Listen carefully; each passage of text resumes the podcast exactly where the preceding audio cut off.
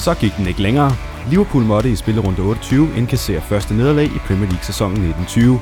Flere havde været skeptiske om chancerne for at gå ubesejret gennem sæsonen, men at det første nederlag skulle komme mod Watford og endda være på hele 3-0, havde de færreste nok regnet med. Derudover bød runden på et sent nederlag hos Tottenham, en smal men tiltrængt sejr i Norwich og mange tætte opgør. Søren har som altid forberedt en deep dive, og citattabellen skal ligeledes opdateres. Med andre ord, et afsnit, så vi kender det. Det her er PL Taktiko. Velkommen til dig, Søren, Jo tak, og lige måde, Morten. og velkommen til lytteren. Og øh, du har ikke corona endnu. Jeg har ikke corona endnu. Jeg var lige nede øh, ved lægen og blev tjekket faktisk, men det var Ja. bare noget astma heldigvis, så øh, jeg er faktisk en af de eneste, der sådan kan jeg sige, jeg har det nok ikke. Det er første gang, hvor astma har været et, øh, Ja, et en, bedre- en, en god nyhed. Det er et bedre alternativ, ja. Og jeg har heller ikke corona, men vi blev ramt af corona her i, øh, i sidste uge, er det vel egentlig... Nej, det er den her uge. Det var i forgårs. Ja, der var i hvert fald øh, vores gæst, vi skulle optage en special jo. Øh, der var ikke nogen i hans familie, der havde fået corona, skal lige siges overhovedet. Øh, det var bare noget med en, det var noget med en arbejdsplads, som en noget familie arbejdede på, hvor der var nogen, der var blevet sat i karantæne. Igen, det er der jo mange, der er blevet. Øh, det er ikke ens med, der er noget corona. Øh, men derfor blev vi lige nødt til at udskyde på grund af nogle øh, tidsplaner, der ikke lige passede mere. Øh, men vi optager så her på mandag, så det er det næste afsnit, der kommer ud. Så I får lige et til normalt afsnit, og så kommer vores special så ud i næste uge. Vi håber, vi optager mandag. Ja, Må vi bare sige. Igen, i de her tider er det lidt svært at vide, hvad der lige er op og ned, men øh, ja, det regner vi stærkt med. Det kan være uden i, det bliver karantænezone. Vi lover ingenting, men vi håber, det bliver mandag. Og så vil jeg også gerne lige undskylde for, øh, for mulig dårlig lyd og manglende skiller i seneste afsnit, men den blev altså klippet i en, i en håndboldhal. Hvis ikke man skulle have læst det, så, øh, så skal jeg beklage herfra. Det er, det er til dels min fejl. Det går nok også. Altså, Ja. Jeg har hørt det. Den det skulle var, ud, og det er jo fint afsnit. Ja, ved du hvad. Der lige mangler nogle skills og sådan noget, det tror jeg, det håber vi lytterne i hvert fald kommer over. Og øh, jeg var blevet så rutineret, at jeg sagtens kan ligge spiken, så den rammer stadig, uden at overhovedet kunne høre noget, men bare at se på lydbølgerne. Imponerende. Det er jo meget godt. Men øh, lad os gå videre til nogle, øh, nogle nyheder fra Premier League, og lad os starte det her øh, afsnit op. Selvfølgelig har vi noget skadesnyt. Det er Lucas Torreira, der er ude med et brud i anklen, og afventer nogle øh, svar fra nogle specialister. Men øh, den, den virker ikke helt god, når det er et brud i anklen. Det kommer nok til at tage lidt tid. Ja, og igen, jeg ved ikke, hvad det præcis om den er om den skade, men det er i hvert fald ikke en, et område, hvor Arsenal har brug for flere skader, kan man sige. Øh, Guendouzi har i forvejen været lidt ude i kulden øh, efter sin efter et, øh, ja, nogle dårlige træninger og haft lidt et, øh, været lidt uvenner med at tætte over det på grund af træningspræstationerne. Øh, og så har han været lidt ude i kulden, og så har der været andre, der har fået tilliden, men ja, hvis, det, hvis det så betyder, at Toyota øh, ikke kan spille nu i en længere periode, så er det jo så Guendouzi og Xhaka, der formentlig kommer til at sidde på den midtbane. Og et andet sted i, øh, i, i London, i, ja, kan man kalde det Watford, det er vel en London-klub. Lige, jeg tror, Lige lidt udenfor. Jeg tror, nogle øh, andre London-klubber vil ikke øh, acceptere det som en London-klub, men ja, jo, det er London og omegn i hvert fald. I hvert fald så er Delofeu også ude med en skade, som han på- pådrog sig i, øh, i den pæne kamp mod Liverpool, som vi har nævnt i, i introen. En korsbåndsskade virker det til, ude resten af sæsonen formentlig. Ja, den så også rigtig grim ud, den skade faktisk. Altså, Van Dijk gør ikke noget ulovligt som sådan, men den måde, han den er nede på det ben der på, det ser ikke godt ud. Og jeg tror allerede der, man kunne se, at det var noget alvorligt. Øh, han, han er et kæmpe tab, fordi han har, vi har jo været lidt efter ham især i starten af sæsonen, fordi han mangler slutprodukt på mange af sine afslutninger. Det er blevet lidt bedre. Der mangler stadig lidt, men, men han er trods alt en af de dygtigste spillere for Watford med de spidskompetencer, han har i når de kommer afsted i kontraangreb med den fart og de øh, hurtige fødder driblinger, han har. Så det er et kæmpe tab, især, altså, nu ved jeg godt, Sar han spiller en god kamp mod øh, Liverpool, men det er ikke fordi, de har så bred en trup op øh, i de offensive pladser. Øhm, men det igen, det giver så en Pusetto, de har hentet ind en chance for måske at byde sig til. Så der andre må steppe op, men det er et kæmpe tab for Watford. Det er helt sikkert en, en nøglespiller, der må se øh, resten af sæsonen fra tribunen. Et andet sted i London, vil jeg så sige, det er Erik Dyer, som har været i lidt uh, tumult på tribunen efter et FA Cup-nederlag til Norwich. Det kan man sige, FA Cup er det Premier League, men uh, det er trods alt Erik Dyer, der er Premier League-spiller. Det var noget med en bror, som hvis var blevet uh, Der var, fået noget Igen. abuse på uh, tribunen. jeg har hørt lidt forskellige sager om det her, øh, så man skal lige tage det hele med grænsalt her, fordi meget af det er spekulation. Sådan som jeg har hørt situationen, så var der nogen, der råbte noget efter Erik Dyer, øh, og det reagerede Erik Dyers bror så på, hvor der så opstår noget tumult, øh, hvor Erik Dyer øh, begynder, han mener i hvert fald, at han frygter for sin brors sikkerhed. Hvor meget det har været, det synes jeg er svært. Det kan også være bare ren frustration over, at øh, der er nogen, der råber af hans bror. Igen, jeg ved ikke, hvor meget tumult der egentlig har været, om det bare har været nogen, der har råbt af hinanden. men det får i hvert fald Eric Dyer til at reagere så kraftigt, at han øh, hopper op på tribunen og løber derop. Øh, og det klæder ikke en fodboldspiller. Mourinho siger det også meget godt. Altså, han er professionel. Det, altså, det skal han holde sig væk fra. Øh, selvom det kan være svært. De er jo trods alt bare mennesker, men det skal han holde sig for god til. Øh, og så må der være nogle sikkerhedsvagter, der må ordne det andet. Så øh, selvom Mourinho siger, at han ikke synes, at klubben skal give ham en karantæne, hvilket godt kunne være lidt modsigende, fordi Mourinho har jo sagt, at det ikke er en, en ordentlig opførsel, men vi kan jo alle sammen godt forstå det som mennesker. Men det kommer nok til at give en karantæne for FA. Jeg kan ikke forestille mig andet. Og så har coronaen også ramt Premier League. Spillerne må, ja, og dommerne heller, de må ikke give hinanden hånd her i øh, den kommende runde. Og ja, som øh, FA siger, indtil at der er kommet en, en, altså en løsning på, på det her corona, så ingen kropskontakt. Er det ikke sådan lidt inden kampen, men under kampen, der får man jo altså rigelig kropskontakt? Jo, og jeg tror, det er svært, fordi øh, fordi sådan som jeg forstår med coronavirusen, så er det jo netop også, altså for eksempel bare øh, øh, spyt, eller hvis nogen nyser, hoster, bare øh, en eller anden form for øh, mundvand. Og det, altså, som du spiller i en fodboldkamp, Øh, man løber op og ned af hinanden, og man råber af hinanden, og det kan hurtigt, så jeg ved ikke, hvor meget. Jo, håndaftryk, det er da en måde at stoppe det lidt på, men det er jo ikke en løsning på længere sigt. Øh, og jeg tror, altså igen, nu sidder vi her, hvad er klokken, den er ved at være tre her på en fredag. Øh, så jeg er ikke sikker på, at vi har set toppen af det her. Jeg tror, der går ikke lang tid, tror jeg, inden øh, de begynder at skal spille for tom status også i Premier League, som vi ser det i Serie A. Så nej, det der med håndaftryk, eller håndtryk, det, det giver meget god mening, men hvor stor en effekt det egentlig har, øh, når man har, altså spiller fodbold, det, det ved jeg faktisk ikke. Men de tager de sikkerhedsforstillinger, de nu kan gøre. Og hvis man hjælper sin modstander op fra græsset efter at have en takling, er det så gul kort? ja, jeg tror, jeg tror ikke, du får et gult kort for noget af det her, men men jeg kan godt forstå det. Vi har også set det i NBA, hvor spil, eller spillerne skal give hinanden en øh, fistbomb i stedet for at øh, give hånd. Så nej, øh, ja, de gør bare det, de kan. Øh, alternativet er, at man aflyser kampen, og det vil vi jo helst gerne undgå. Ja, fordi så har vi ikke så meget at snakke om. Nej, og igen, vi skal bare altid huske, når vi snakker omkring det her, fordi øh, det er super ærgerligt, at fodboldkamp bliver aflyst, specielt i Premier League, når vi går så meget op i det. Men altså, det, der er jo folk, der dør af det her, så altså, i det store hele, så er det jo vigtigt, at der er folk, der ikke mister deres liv, i stedet for en, i, det, i det store sammenhæng en ret ligegyldig fodboldkamp. Helt sikkert. Og øh, det var de nyheder, jeg havde med. Så lad os gå rundt om runden. Og vi starter selvfølgelig i Norwich-Leicester. En øh, 1-0 sejr til Norwich. En lidt øh, uvandt situation. De er ikke mest på bolden og har få chancer færre end Leicester. Og så må man jo nødvendigvis gå ud fra, at så kommer Norwich til at vinde. Og det gjorde de også. Jamen altså, jeg, jeg, igen, man kan lige puske lorien. Jeg når lige at puske lorien to gange i det her afsnit, tror jeg. Og den ene, det er... Det vil jeg glæde mig til. Ja, den ene, den kommer her, hvor jeg lige når i sidste afsnit at sige, at Norwich på dagen kan slå alle hold i Premier League, og det viser det igen den her kamp. Leicester er ikke inde i en god periode, men altså Norwich, de har, når de først kommer op, de har været slemme til at misbruge chancer, det er de bedre til den her. Men, men de spiller rigtig godt, når de først kommer ud af presset. Altså, de er gode til at spille sig ud af det første pres de, de har bare manglet noget skarphed. Øh, at de så får en, et mål her, og de holder Leicester ude, det er måske lidt overraskende, at de kan holde Leicester ude. Også hvis man kigger på XG'en fra Understat, hvor den hedder 0,60 til Norwich og 1,47 til Leicester. Men imponerende, at Norwich får den her sejr, og det giver da et lille håb om, at de i hvert fald ikke er helt ud af det endnu. Ja, og en flot afslutning for Jamal Lewis.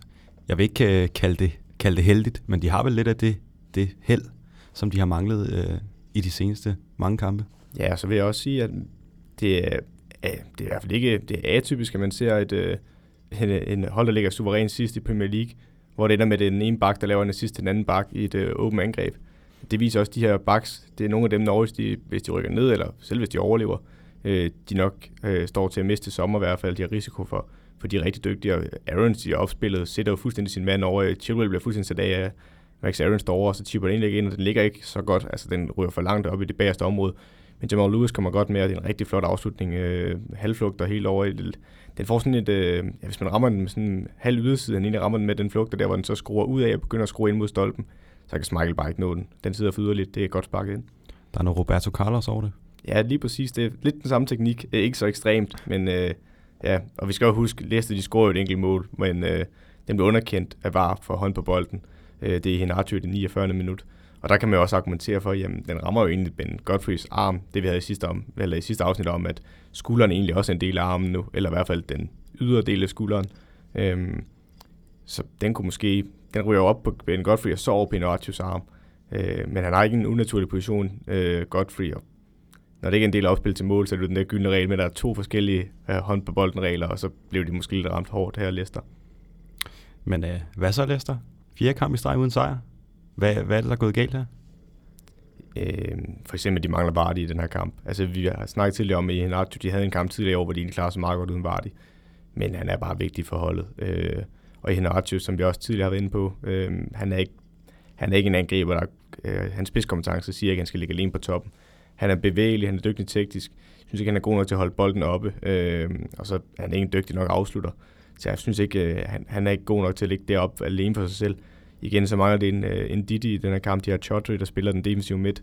Det har også noget med det at gøre. Øh, og så kan det også bare være, at de har jo ikke den bredeste trup, specielt på midten. Altså nu ved jeg godt, en Didi han starter ud i den her kamp, og det gør Thielemans egentlig også. Øh, men de er bare bedre, når de to har været i topform i den her sæson, så er de set meget stærkere ud. Så de to spillere er nogle nøglespillere, der ikke rammer den form, de burde. Og så har de jo haft den her anden plads i noget tid, hvor de øh, ja, var bedre. Det ved jeg ikke, om man skal sige det. De lå i hvert fald bedre i tabellen, end, end City gjorde. Men de er altså syv point efter nu, og City har en, en kamp i baghånden. Til gengæld så har de kun fem point ned til fjerdepladsen. Skal vi overhovedet regne med, at Leicester de tager en, en Champions League-plads i år? Ja, det synes jeg. Det synes jeg stadig, man skal sige, fordi hvem skal hente den ned bagfra næsten, det man skal spørge sig selv om. Chelsea, øh, har de haft meget bedre form end Leicester? Det synes jeg jo ikke. Det, jeg har ikke lige tallene foran mig, der kan bekræfte det, men jeg tror ikke, det er den store forskel, der er på de to hold. Omvendt så har du United, jamen, ja, de er begyndt at spille bedre, det synes jeg også, øh, vi er begyndt at anerkende. Men de får en uafgjort her mod Everton. Ikke et dårligt resultat som sådan, men det er jo ikke, fordi de har hentet voldsomt ind. Du har Tottenham, taber hjem til Wolverhampton. Henter de dem? Tror jeg heller ikke. Så har du så Wolverhampton og Sheffield, men jeg tror stadig, der er for langt op til, at de kan hente dem over de sidste 10 kampe. Øh, så jeg er forholdsvis sikker på, at Leicester i hvert fald bliver 3 eller 4. Og så må vi jo se med City-sagen, der kan jo være en femteplads, der kan gøre det. Du nævner slet ikke Arsenal? Ej, men igen, Arsenal... Jo, men det er, egentlig, det er en færre point, du egentlig bringer op, fordi Arsenal er begyndt at finde noget øh, spillestil og form. Øh, men ja, jeg synes, der er stadig... Et, hvad er det, hvor mange point de har op Arsenal? Det er... Øh, til, øh, til Leicester? Ja. Det er 13 point. Ja, de henter ikke Leicester på 13 point. Øh, og igen, Arsenal er så yderligere, de har så en kamp i hånd, skal lige sige, 8 point op til Chelsea. Igen, jeg tror bare, der ligger for mange hold imellem Arsenal eller top 4 pladserne, til de kan overhale dem alle sammen. Øhm, og så kan jeg også, så kan du også få dem til at nævne Burnley, der ligger imellem jo. Det kommer heller ikke til at ske. Øh, men jeg har en fed statistik med for op til Joe for resten af den her Leicester-kamp. Det er 600, 671 since Todd Cantwell's goal against Crystal Palace on January 1st. Norwich ha have gone 671 øh, minutes and played 14 halves of football, football without scoring a goal from open play in the Premier League. Det er jo fuldstændig vanvittig statistik, at man kan spille 14 halvlejer af fodbold uden at score et mål i åbent spil. Det viser lidt om de problemer, de har haft Norwich, og jeg synes også i den her kamp, øh, som jeg lige husker det, jeg tror, du der har en kæmpe chance også øh, ind i feltet efter et flot opbygningsspil i kontraangreb til Norwich. Jeg tror, det er 66. minut, øh, og hvor Aarons også sætter Chilwell af igen. Så nej, øh, de skal være bedre til at omsætte, men nu ved jeg godt, at de vinder den her. Men hvis de vil vinde flere kampe, så skal de være mere clean, eller kliniske foran mål. Øh, der er også en til Buendia til sidst i et kontraangreb, hvor Michael redder. Øh, de mangler stadig skarphed, men igen, må rosen på den her sejr. Helt klart. Stor ros herfra. En sejr, som har været tiltrængt for, øh, for Norwich-fans. De ligger dog stadig øh, ja, fire point efter den næste opfølger, hvad skal man sige, anden sidste pladsen i hvert fald og øh, 6 point fra at kunne gå fri af nedrykning. Så lidt mere skatter til. Vi må se, om de kan få en sejr i næste runde, hvor de skal en tur til Sheffield United, og Leicester de skal møde Aston Villa. Vi skal et smut til Brighton, som hjemme har mødt Crystal Palace og tabt 1-0. Enormt ineffektivt af Brighton. Klart mest spil, klart flest chancer. Selvfølgelig taber de så 1-0. Ja, det var... Det var for ringe, hvis man gerne vil, vil... Ja, jeg har skrevet, vil blive oppe. De mangler kvalitet på den sidste tredjedel, det vi har snakket om hele tiden. Neil Maupay, jeg kan sagtens se nogle spidskompetencer for ham også. Hurtig spil. Jeg synes også, han har en god øh, blik for spillet. Øh, god til at finde det rigtige rum. Men som afslutter, der mangler han igen rigtig meget. Igen, det er hans første sæson som Premier League-angriber. Han er ung stadig. Jeg tror i hvert fald, han er under 24, hvis det ikke passer. Det mener, det passer. Øh, så de mangler noget kvalitet op foran, fordi jeg synes egentlig, de spiller jo egentlig meget godt den her kamp. De har jo egentlig styr på Crystal Palace det meste af tiden. Øhm, Crystal Palace får der nogle chancer, men det er primært på fejl af Brighton. Der er for eksempel på målet, øh, det er Benteke, der får lov til at blive retvendt og vende med bolden, øh, og så får han lagt den dybt til øh, Jordan Ayew. Det er, det er en flot stikning af Benteke, skal det også lige siges. Godt løb øh, også. Ja, det er godt løb, men den aflevering af Benteke, den sker altså lige gennem tre øh, Brighton forsvarsspillere, og det er sådan, ja, han er ikke rigtig, han har ikke øjenkontakt eller blik over på øh, Jordan Ayew, men han ligger sådan lidt i blinde over mod sin venstre side. Afslutningen kan vi så diskutere. Jeg synes, Matthew Ryan, hvis jeg skal kritisere hans målmandsspil lidt, synes jeg, han er hurtigt til at gå ud i sin figur eller positur, øh, i stedet for bare at forblive oprejst og så prøve at reagere på skuddet.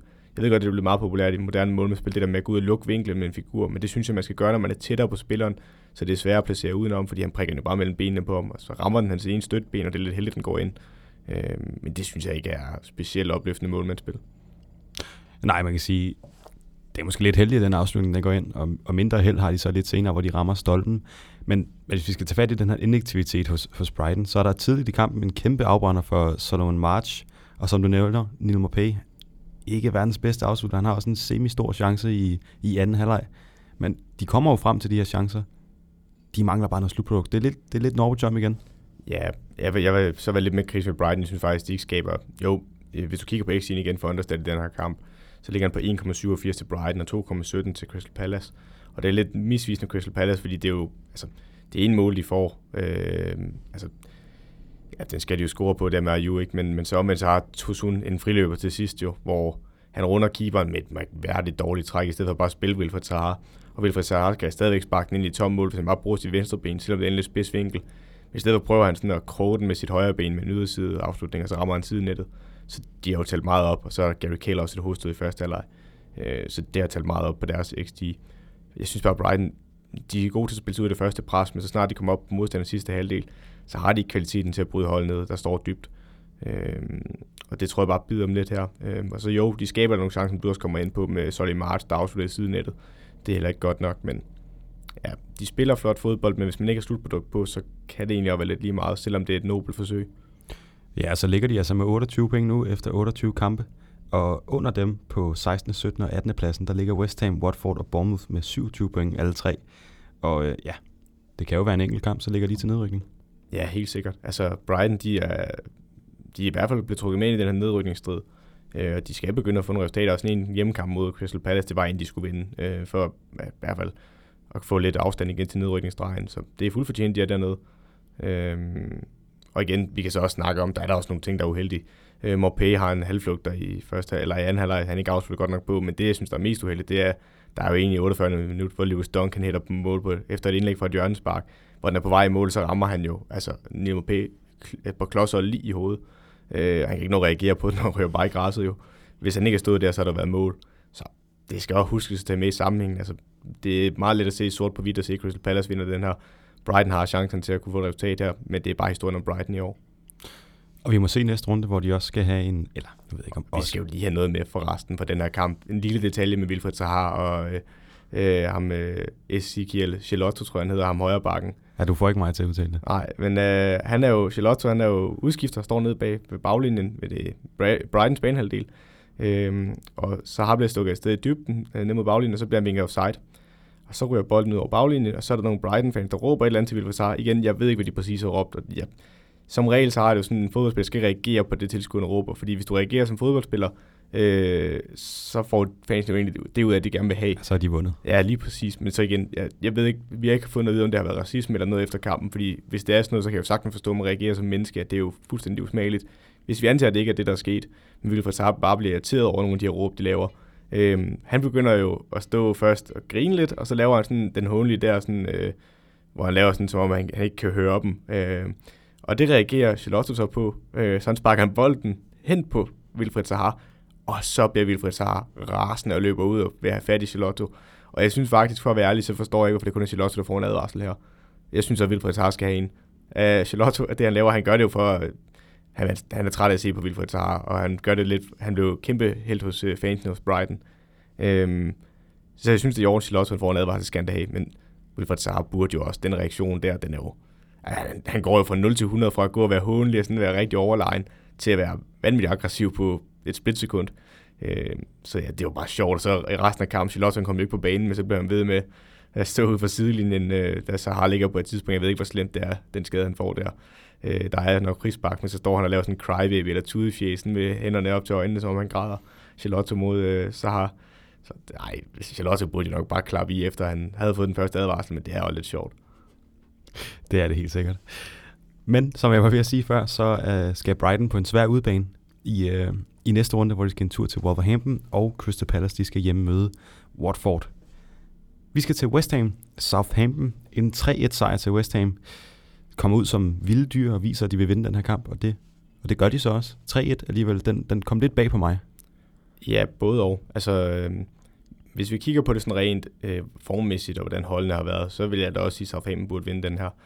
Øh, men omvendt så West Ham fik blod på tanden mod Liverpool i sidste runde, hvor de var lige ved at kunne tage et point med for Anfield. Jeg vil ikke sige, at de fortjente, men de pressede Liverpool. Og, altså, de kunne godt have fået et resultat, og det øh, skal slet ikke kunne afvises.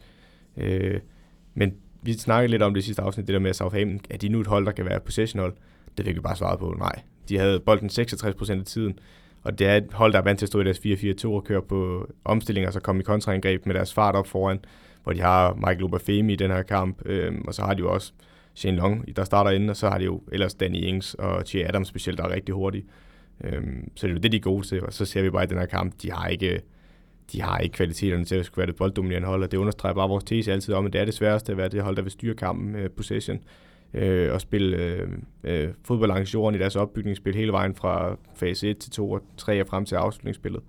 Øh, og det rammer dem her. West Ham er et godt kontrahold, altså. Hvis man kan lave en ordentlig organisation med det West Ham holder få nok folk op omkring Sebastian Haller, som vi også har været inde på tidligere, en deep dive, vi har lavet, tror jeg. Nej, det var ikke en deep dive, det kan jeg faktisk ikke huske. Det mener jeg næsten, det var. Der var i hvert fald en, hvor vi snakkede om, at uh, Felipe Andersson blev lagt op ved siden af Sebastian Haller, da Pellegrini var træner. Jeg tror ikke, det blev en deep dive. Nej, det tror jeg heller ikke. Men vi snakkede i hvert fald om det, at det var det, der fungerede for West Ham i den kamp, og det tror jeg faktisk var mod Chelsea, øh, hvor de lagde Anderson tæt på øh, øh, Sebastian Haller, og de gør noget lignende i den her kamp, bare med andre spillere. Ja, og så som du siger, så skal Southampton jo ikke være et hold, der, der har bolden. Men de er stadig gode til at presse på og få mange folk med i feltet, og det er jo også derfor, de får det her 1-1-mål, hvor der jo nærmest står, står spillere i kø for at få lov til at sparke den ind. At det så bliver på en, ja, skal vi kalde det lop ind i feltet? Ej, det var en lidt underlig afslutning. Jeg kunne ja. ikke rigtig finde ud af, hvad han afsluttede med. Det ligner en inderside, han sådan rammer. Øh, igen, det er et, faktisk et rigtig flot øh, Southampton opspil i et kontraangreb, øh, hvor de, altså, West Ham prøver at gå et højt pres på dem, hvor øh, Southampton center for venstre side, jeg tror det er Bednarek, der lige chipper den over presset, øh, hvor den så ryger ud på øh, Shane Long i venstre side, øh, der så kommer ned, lægger den af øh, til Armstrong, og så spiller den videre over på Høj, nej, Højbjerg får den, og så spiller den videre over på Armstrong. Kommer James Ward-Prowse, der spiller højre bak øh, i et overlap, og så lægger han en flat indlæg øh, på tværs i målet, der så øh, Øh, alle tror, han vil lave sådan et, en indlæg på tværs, men i stedet for at lave en cutback til Michael Obafemi, som laver sådan en krøllet afslutning ind side over i den lange. Men igen, det er en Southampton special. Når de kan fange et hold i positionel ubalance eller numerisk ubalance, eller begge dele, så slår de altså til. Og det får de bare en mulighed for her. Resten af kampen, der har det altså Southampton selv, der skaber deres egne problemer. Og så får du også nævnt Sebastian Haller her, øh, som jo er en stor, stærk angriber. Og på hans mål, der viser han virkelig, at øh, ja, et, han kan afslutte i øh, en, en presset situation, men han kan virkelig også bruge sin krop, og nogen vil måske snakke om frisbak til keeperen. Det er lidt en det situation, men den er ude for det lille felt.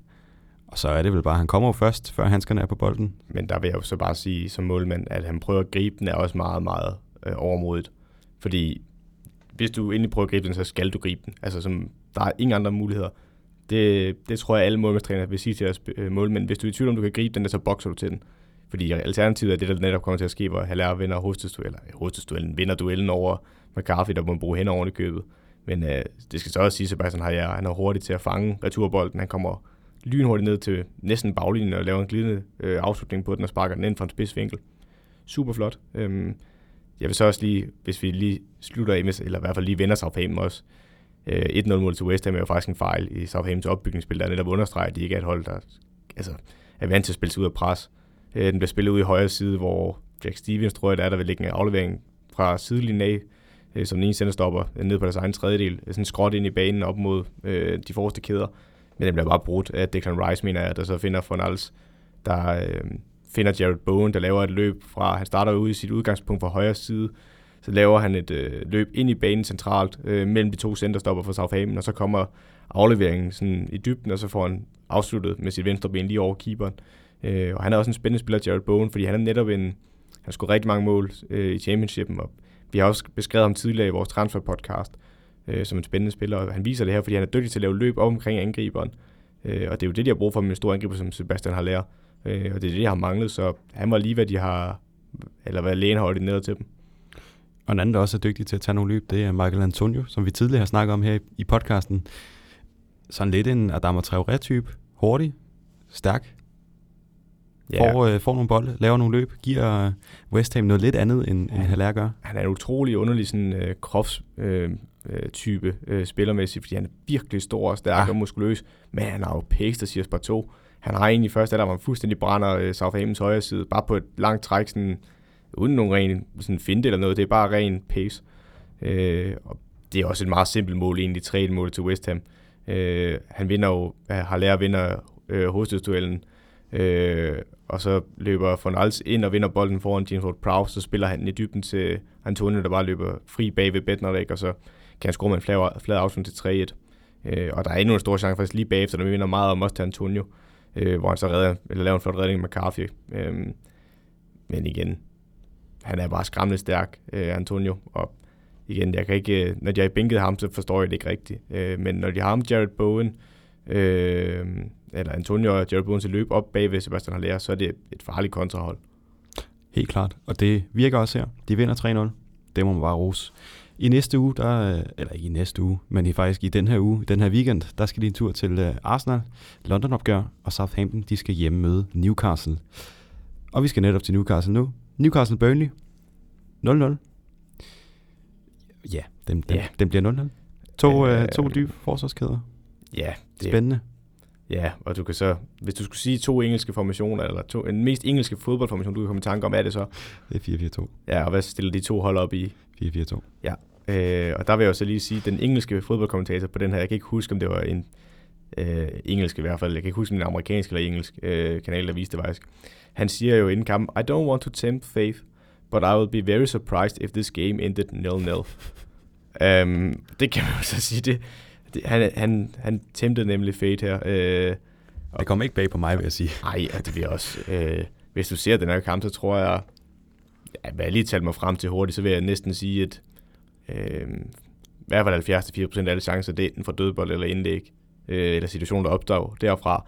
Øh, igen, jeg har ikke nogen statistik på, hvordan det er i andre Premier League-kamp, men det virkede bare, som om det var der, der skulle komme fra, hvis det endelig kom noget. Og jamen altså, ifølge øh, igen x for understat, så kunne man godt sige, at Newcastle rammer 1,19 lige over et mål. Det er jo ikke, fordi det er prangende, og Burnley rammer 0,6. Så nej, at den her kamp vinder 0-0, det er måske meget fair. Og ja, jeg skal ærligt kende, jeg er forholdsvis glad for, hvis der var en kamp, skulle gå glip af, det lige var den. Ja, man kan sige 1,19, når man har hele 21 afslutninger. Det er heller ikke uh, imponerende. Nej, jeg skulle lige sige, jeg har faktisk ikke possession-staten på den her, men jeg være lidt forundret over i hvert fald, at der er nogle af de her... Det er virkelig ligesom to hold, der ikke gider at have bolden. Ja, jeg tror, det er nogenlunde 50-50. Eller vi får den så op i den anden ende, ja. og det samme den anden vej. Ja, det, det virkede bare sådan hele vejen, og det er faktisk også mange tidlige indlæg for Bax imod de to angriber, og jeg kan godt lide, igen, øh, noget af det, vi har sat i verden med den her podcast, er, at vi gerne vil være fagligt dygtige, og sådan ikke komme til de der klichéer. Det kan vi godt falde i, det kan alle jo. Øh, men jeg synes bare igen, ham den engelske fodboldkommentator, jeg nævner ham med vilje ikke med navn, men han når lige sige starten, øh, da han blev spurgt til, øh, jamen Bækholz stiller 4-4-2, og hvad det så betyder, og så han skal jo være eksperten, så han siger, ja, jamen de har jo netop, altså det er jo fire angriber der på banen, og så kommer han netop med, og så vil han jo være meget overrasket over, hvis den ender 0-0. Og igen, det synes jeg er en utrolig doven fodboldanalyse. Bare hvis du kigger på to hold og siger 4-4-2, nå, så kommer der masser af mål. Fordi hvis du kender Newcastle netop og Burnley som Premier League-ekspert, så er det jo ikke to hold, der scorer masse mål, øh, og de er bedre, når de ikke har bolden. Og når to hold, der er gode til ikke at have bolden, øh, møder hinanden, så bliver det sjældent kønt. Og nu ved jeg godt, at vi har, vi har kun otte kampe i den her runde, men jeg er så tilbøjelig til bare at hoppe hurtigt videre. Ja, men jeg synes ikke, der er meget for den her kamp, for at være ærlig. Øh, der er Almiron, der har en rigtig flot dribletur i første halvleg i 44. minut, øh, hvor du har et gale afslut lige på Nick Pope.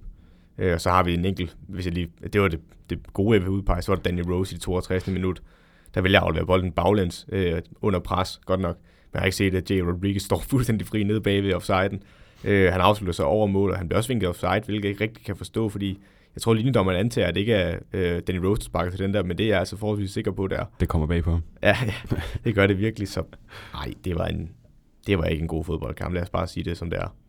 Så lad os bare sige, at øh, som vi netop har sagt, så skal Newcastle en tur til Southampton i øh, den her runde, og Burnley de skal hjem til mod Tottenham.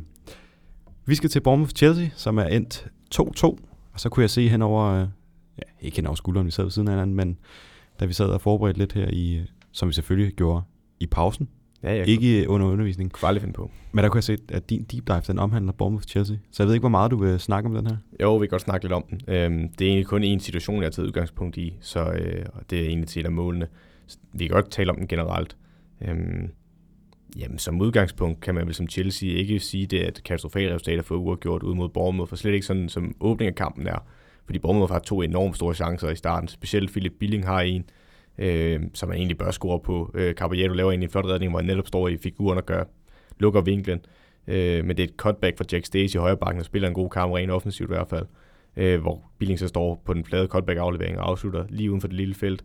Øh, men det er lige midt på Caballero. Og så er der faktisk en ny chance lige bagefter, hvor Billing igen er med i opspillet, øh, hvor han så laver en stikning med venstre ben fra midten af banen, så lige mellem, øh, jeg mener det er mellem hvem er det, der spiller over den side? Øh, er det Aspilicueta, eller øh, nu skal vi se, ja, det er Aspilicueta og Reece James, altså mellem den venstre, nej, den højre centerstopper i en trebakkæde og wingbacken, for den bliver stikket i dybden der til Joshua King, der så ligger den ind til Callum Wilson, der ikke får sendt en ordentlig afslutning på, men alligevel får den mod mål, øh, Det var Caballero redder igen og lukker det kort hjørne. Øhm, så de har nogle chancer, der brænder på der Bournemouth. Og så lige en sidebemærkning, som jeg sad og tænkte over i hvert fald kort, og det er ikke så meget med Premier League, men Danmarks øh, landshold centrale midtbane ser altså den ser altså rigtig, rigtig stærk ud. Også øh, meget bedre, end har gjort i mange år. Hvis du kigger på det, så er du Philip Billing, der ikke starter fast, og han spiller altså fast i Premier League for det meste. Øh, så har du Emil Højbjerg, der er blevet en af de store profiler på Southampton-hold, hvor hold som Everton, Tottenham, Arsenal til dels har været nævnt som øh, uh, mulige destinationer her til sommer. Så har du Lasse Sjøne, der spiller nede i Genua. Øh, det gør Lukas Lea egentlig også. Nu vil jeg ikke tage med i den her sammenhæng, men Sjøne specielt.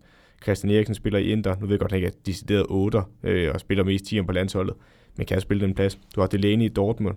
Så har du Christian Nørgaard og Mathias Jensen, der begge to spiller i Brentford, der kæmper mere om at rykke op i Premier League. Så har du en Daniel Bass, der til tider også spiller central midt. Ikke så meget i Valencia, nok mere end der er mig i uh, Celta Vigo. Så det er igen, uh, det er lovende for det danske landshold med så mange dygtige spillere, og Billing viser det bare i den her kamp.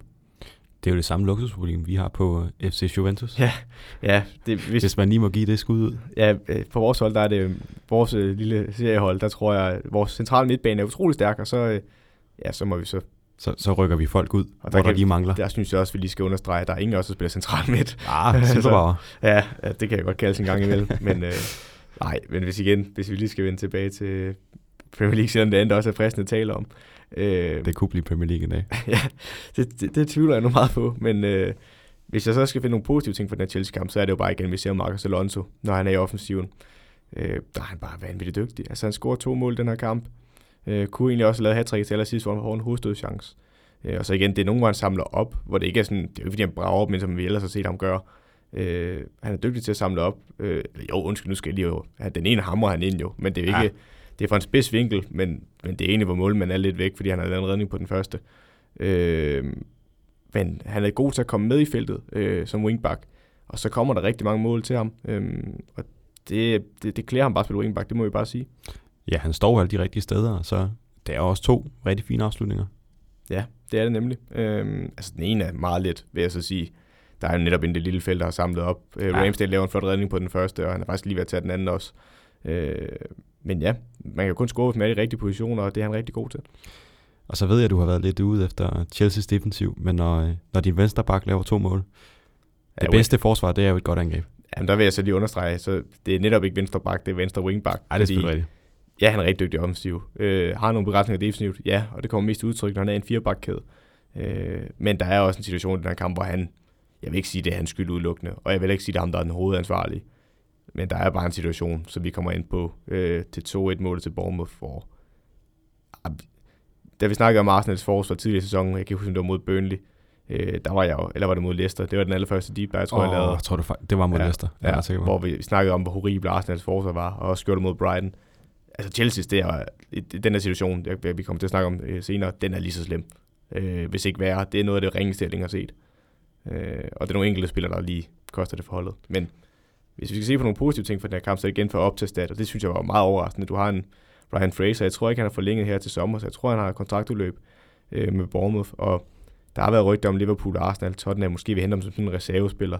Øhm, og man kan ikke, hvorfor vil man hente Ryan Fraser? Men når man ser på tallene, så er han jo en imponerende spiller. For eksempel her for op til Joe på Twitter, hvor han siger, øhm, 18. Ryan Fraser has made 18 assists in the Premier League since the start of last season.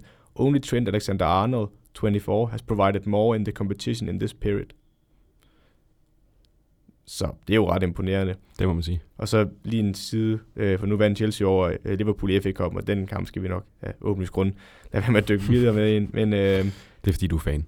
Ja, det, ja. Det, den, men, men det var faktisk ikke derfor, jeg nævner den. Det var, øh, igen, det var en flot sejr af Chelsea. Nu så jeg ikke kampen, men det skal roses. Men det, jeg lige vil have med for den kamp, det var noget op til Joe igen lagde op på Twitter med Kepa. Øh, og nu, Caballero starter jo kampen mod Bournemouth, men når man kigger på Kepas statistikker, så kunne man måske godt forstå, hvorfor. Øh, øh, på Opti Joes Twitter, der står der øh, five. Kepa, uh, ja, bare Kepa, uh, has made five saves so far tonight against Liverpool, more than he has made in any of his 24 Premier League games this term. Så det vil sige, altså, det er jo virkelig få redninger, han har haft, og det er måske derfor, at det så, statistikker kan være misvisende, og det er ikke rigtigt altid er Kepas skyld, at de situationer, han havner i, fordi altså, hvis der står en i det lille felt helt fri og skyder på mål, så er det sjældent keeperen redder den. Øh, så hvis du bare kigger på statistikken udelukkende, så er det jo virkelig ringe mål med at spille. Øh, det er mere nuanceret end sådan, men jeg tror, vi alle sammen kan sige, at det ikke er verdensklasse mål med at spille, og ikke i hvert fald ikke til den pris, de har købt ham. Og som jeg også har skrevet, så altså, det er ikke fordi Caballero, han ligesom overbeviser os om, at han burde være første keeper. Og som du nævner så i den her FA Cup kamp, der står Kepper jo egentlig fint nok, men det er jo også bare et tegn på, at han er andet valg, at han netop så spiller den her FA Cup kamp, ja, og i stedet for at spille Premier League. Igen, problemet lidt for den her, som vi også tidligere har omtalt, har jeg svært at finde ud af, hvornår man så skal bytte de to igen. Øhm, fordi det skal de. Altså, det skal de før eller senere, ja, du skal til. sælge Kepa. Øh, for Caballero er jo ikke løsning for en klub som Chelsea. Det ved de fleste jo. Det er jo ikke, fordi du næste år tænker, fint, jamen vi sælger Kepa, så sender vi, køber, eller køber vi en ny reservekeeper, så er det bare Caballero til første mål, men det er der jo ikke nogen Chelsea-fans, der vil være tilfreds med. Øhm, ej, der er kun én vinder der, det er Caballero. ja, det er lige præcis. Så ej, de skal nok... Øh, de skal nok ud og hente en ny keeper, hvis de sælger keeper. Det tror jeg nu stadigvæk ikke, de gør. De kan ikke få de penge for ham, som de nok gerne vil have for at hente noget af de beløb, de har købt ham for tilbage. Så det er et spørgsmål, hvornår de får indsluttet sig ham i øh, startopstillingen igen, og det ved jeg ikke rigtig, hvordan de vil gøre. Det er en tricky situation. Men i hvert fald stor ros til Bournemouth for den her kamp, og øh, ja, også øh, håbefulde fremtidsudsigter. De har fået Joshua King tilbage, stadig ikke helt klar til at spille fuldtid efter sin skade, men han får så et mål og spiller efterhånden flere og flere minutter. Godt nok et tab ind, men han står der. Og det bliver spændende i næste uge, hvor de skal en tur til Liverpool, som er inde i en ringsteam. Det ja, må vi godt sige. Helt sikkert. Det går ikke godt for tiden. Nej, og Bournemouth kan godt gå ud og skabe resultat der. Hvis Liverpool spiller, som de går mod Watford, så er der ikke et hold i Premier League, der vil kunne skabe et resultat mod dem. Og Chelsea, de skal hjemtage mod Everton, som også kan blive en svær kamp. Vi skal til gengæld til den kamp, jeg har glædet mig til. Af personlige årsager. Det er fordi, at uh, Watford de har spillet en lille kamp mod Liverpool, som var en dejlig nem 3-0 walkover. Og endelig skete det. Liverpool de har ikke spillet op til deres bedste på det seneste, og så blev det endelig til nederlag i Premier League. Øh, ja, og igen, Vil du lægge ud? Så? Ja, det vil jeg faktisk meget gerne, ja. fordi øh, jeg er jo Liverpool-fan selv. Ja, øhm, stadig. Ja, ja. Det, igen, det, altså, hvis man har været det under Roy Hodgson med Paul Konchesky, Christian Poulsen, øh, så tror jeg ikke, et nederlag mod Watford er det, der lige tipper det over. Øh, så nej, men hvis vi skal kigge på den her kamp sådan rent øh, statistisk, øh, så er der jo mange af de her kampe, man har tænkt, jamen Liverpool, de, de spiller ikke godt, men de får bare resultater. Det er jo det, man altså, som fans sidder med os øh, og tænker, jamen selv da Watford kommer foran 1-0 2-0, de kan stadig nå at vinde det her Liverpool. Øh, men de spiller bare en... Ah, men jeg har... Det var tæt på, at jeg faktisk tog Liverpool med i min deep dive, fordi der er især centerforsvaret, både Lovren og Van Dijk spiller en horribel fodboldkamp. Øh, og der er rigtig mange situationer, hvor man godt kan se, at Van Dijk slet ikke er tryg ved Lovren, når han er vant til at have Gomes ved siden af sig. Det skal jeg nok lige komme ind på lige om lidt. Men øh, hvis vi lige kigger på statistikkerne for lige at rose Watford, for det de gør godt, det er, øh, hvis du kigger på statistikkerne for Understat, jamen det er, at øh, XG'en for Watford ligger på 2,73 øh, og 0,20 til Liverpool. Ganske fortjent resultat til Watford. Expected points 2,90 og 0, nej, 0,06 for Liverpool. Så de var aldrig nær det her resultat. Jeg kan nævne en Liverpool-chancen, som jeg lige husker det. Øh, det er Robertson, der har en afslutning lige midt på ja. øh, Ben Foster. Ja. Og det er egentlig det. Altså Watford, de sidder de på possession-delen? Nej, men det er ikke fordi, man som fodboldhold nødvendigvis behøver at possession for at kontrollere en fodboldkamp. Man kan godt kontrollere en fodboldkamp ved ikke at have bolden, hvis du står godt i defensiven, og så kan være farlig øh, på de omstillinger, der kommer, og hurtigt komme afsted i kontraangrebene, få nok, eller få nok folk med. Og det gør de i den her kamp. Øh, og tre, altså, nu ved jeg godt, at XG'en siger 2,73, men jeg synes, Watford kunne fint have skåret flere. Altså, noget af det kommer selvfølgelig også af, at Liverpool går frem til sidst, men jeg synes ikke, det var ufortjent, hvis de vandt med mere, og jeg kan også huske i vores øh, samtale inde på Facebook, der når jeg lige skrev, at de scorede 200 Watford, jamen de scorer flere. Altså, det ligner bare, at de scorer flere. Så fuldt fortjent til Watford. Øh, imponerende for dem, øh, og det, det lover godt for dem i overlevelsen af Premier League. Det er meget tæt dernede, så utrolig vigtig sejr. Ja, og jeg, og jeg tog ikke skrevet noget på vores samtale. Jeg var tavs. Simpelthen. Jeg skulle ikke jinx noget her. Ja, du, du var ikke, du var ikke, altså... Nej, jeg får godt nok jinxet, ja. kan man sige. Jeg vil jo sige, øh, altså efter kamp var du ikke tavs. Nej, det var jeg godt nok ikke. Det var du ikke. Men igen, jeg vil gerne bruge tiden på at rose Watford, inden vi øh, ja, går over til Liverpool, fordi altså, det er jo ikke Watford skyld, Liverpool spiller en elendig kamp. At de går ud og slår et hold, der ikke har tabt så mange kampe i streg, det er jo bare imponerende af dem. Øh, og så skal vi ikke fjerne øh, fokuset fra det. Øh, specielt Ismail Isar gør det godt i den her kamp. Øh, der er den ene, der er et langt indkast fra Massina til 1-0-målet, hvor bolden bliver kastet ind hen over Dini og Lovren, og så kommer Doucouré øh, i et løb bagved, ligger den øh, på tværs, hvor Sar kommer før Robertson og sætter den ind. Og, altså, det er jo senere, der går amok der Watford. Øh, Øh, og bagefter, jamen, så er det igen, det er en bold hen over toppen, hvor Sar løber dybt, øh, og så kommer han ned mod Allison, og så venter han bare på, at Allison lige sætter sig, og så chipper han bare over ham. Kølig afslutning, øh, høj, høj kvalitet. Og så har vi Troy Dines til sidst, hvor Trent prøver at spille den hjem til Allison, hvor Sar læser afleveringen, ligger ned til Troy Dini, der eller Allison bliver stående længe ud mod Sar, fordi han ikke vil have ham til at chippe den ind i tom mål, men så spiller han bare skråt tilbage til Dini.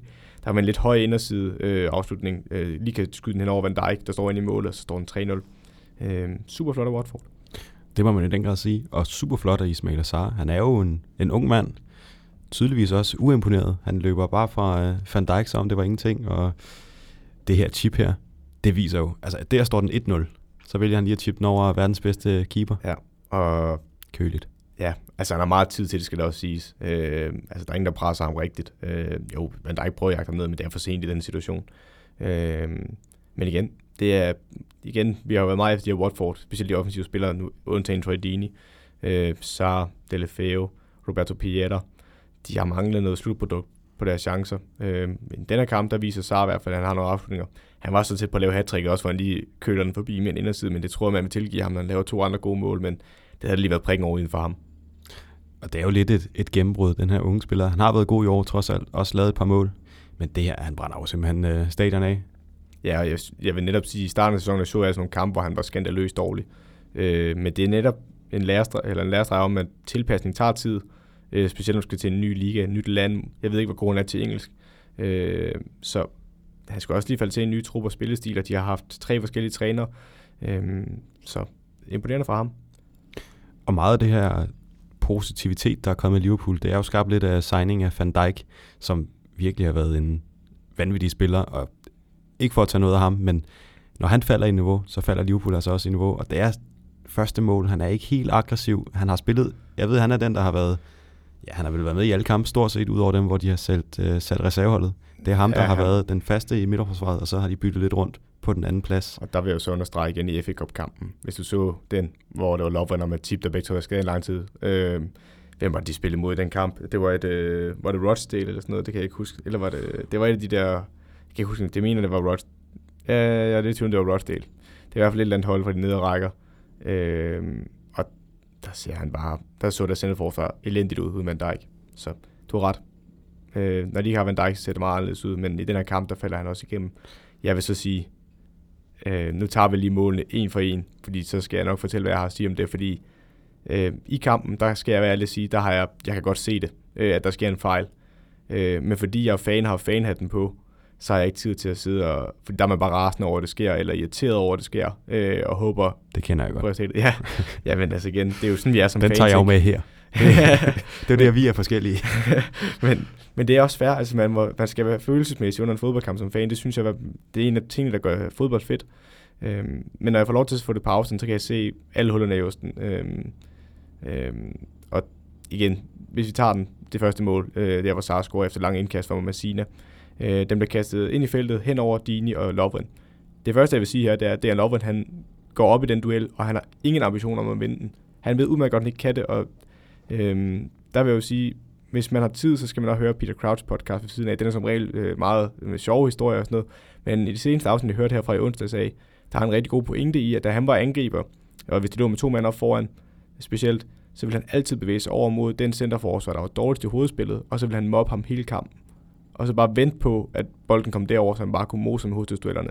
Det er det, tror jeg, Dine gør i den her kamp. Han lægger sig konstant over til Lovren, han lægger sig aldrig over til Van Dijk, og Lovren bliver jo decideret voksenmobbet i den her. Altså han, han, han taber alle hovedstødsdueller, og når Dini så ikke lige vinder hovedstødsduellen, så går han på kroppen af ham, og så vinder Lovren ikke alligevel. Så bliver Lovren sur, og ikke på frispark, og det lignede virkelig sådan en, en lille knægt over for en voksen mand. Og Lovren, han, Altså, lige så god Lovren han kan være, for han kan være en dygtig centerforsvar. Lige så horribel ren kan han være i den her kamp. Øh, og derfor vil jeg dele skylden ud ved det her mål også. Øh, den her, den er ikke kun Lovrens. Lovren vælger at gå sådan lidt halvt op i hovedstødsduellen, det vil sige, at den sejler hen over Troy og ham. Godt. Så har Sar lavet et løb, eller undskyld ikke Sar, øh, hvad der hedder. Ducouré. Ducouré har lavet et løb. Øh, og der har Fabinho bare givet slip. Fabinho giver bare slip på sin markering, og det er det, jeg kan blive rasende over, specielt en fodspiller, når nogen giver slip på en markering, uden at sige noget. Hvis du siger til medspilleren, prøv at ham han løber her til højre, du skal lige tage over her, fordi du står uden mand. Det er en helt anden snak. Hvis du bare giver slip, det er simpelthen en katastrofe for et fodboldhold. Øh, hvis nogen har prøvet at spille intervalfodbold øh, til en træning, og man spiller for eksempel 4 mod 4 eller noget i den dur. 3 mod 3 øh, på en øh, kæmpe bane. Ja, eller 2, eller 2 mod 2. Hvis der er en mand, der bare bliver ved med at give slip på sin markering, så kan det mærkes for resten, og det, det, bliver, altså, det bliver bare øh, tydeligt gjort der. Så det, alle fodboldspillere på alle niveauer har prøvet det her. Øh, og i den situation, der giver Fabinho slip, så kommer han ind i Van Dijks område. Der har du ret. Van Dijk han er utrolig nonchalant i den her situation, fordi han kunne godt have taget et skridt lidt hurtigere op, og så har han afværet den her situation. Men han tror, at Lovren mener, og det, jeg ved ikke, hvor han har den tillid til Lovren i den duel, fordi hele kampen har han ikke vundet noget som helst over for Troy Dini. Øh, måske er det bare arrogance for Van Dijk, og det er nok det, der rammer ham her. Så kommer Ducouré først på den til baglinjen, lægger en skråt ind over, hvor Robertson igen ikke kommer på den rigtige side foran Sar. Jeg vil så sige, Robertson den, der skal mindst skyld i den her situation, fordi det er sindssygt svært, når det, det udfærder sig så hurtigt foran ham, og Sars acceleration kommer, øh, fordi han tror jo, altså, hvis Van Dijk ikke tror, at Lovren taber den hovedstødsel der, så tror Robertson jo ikke både, at Lovren taber sin hovedstødsel, Van Dijk ikke tager sin takling. Så igen, det er en fejl af Robertson, men det er ikke det er ham, der har det største øh, fejl, selvom han ikke kommer på den rigtige side. Og det, øh, jamen igen, jeg bliver nødt til at tage i hvert fald øh, et af målene mere i hvert fald igen. 2-0-målet. Øhm, jamen Fabinho hætter bolden ind på Hughes i Watfords højre side omkring midterlinjen. Hughes er nu omgivet af Liverpool-spillere af Fabinho og Ronaldo, men ude ved sidelinjen. Men der er ikke nogen, der vil gå til ham, fordi de vil ikke lave frisparket. Jeg ved ikke, om det er fordi, de allerede her tænker i det 60. minut, at de vil trække tiden Watford. Og det er igen, synes jeg, nonchalant. Øh, og øh, Hughes laver i stedet for en helaflevering op langs linjen, som Dini kommer først på øh, før Robertson.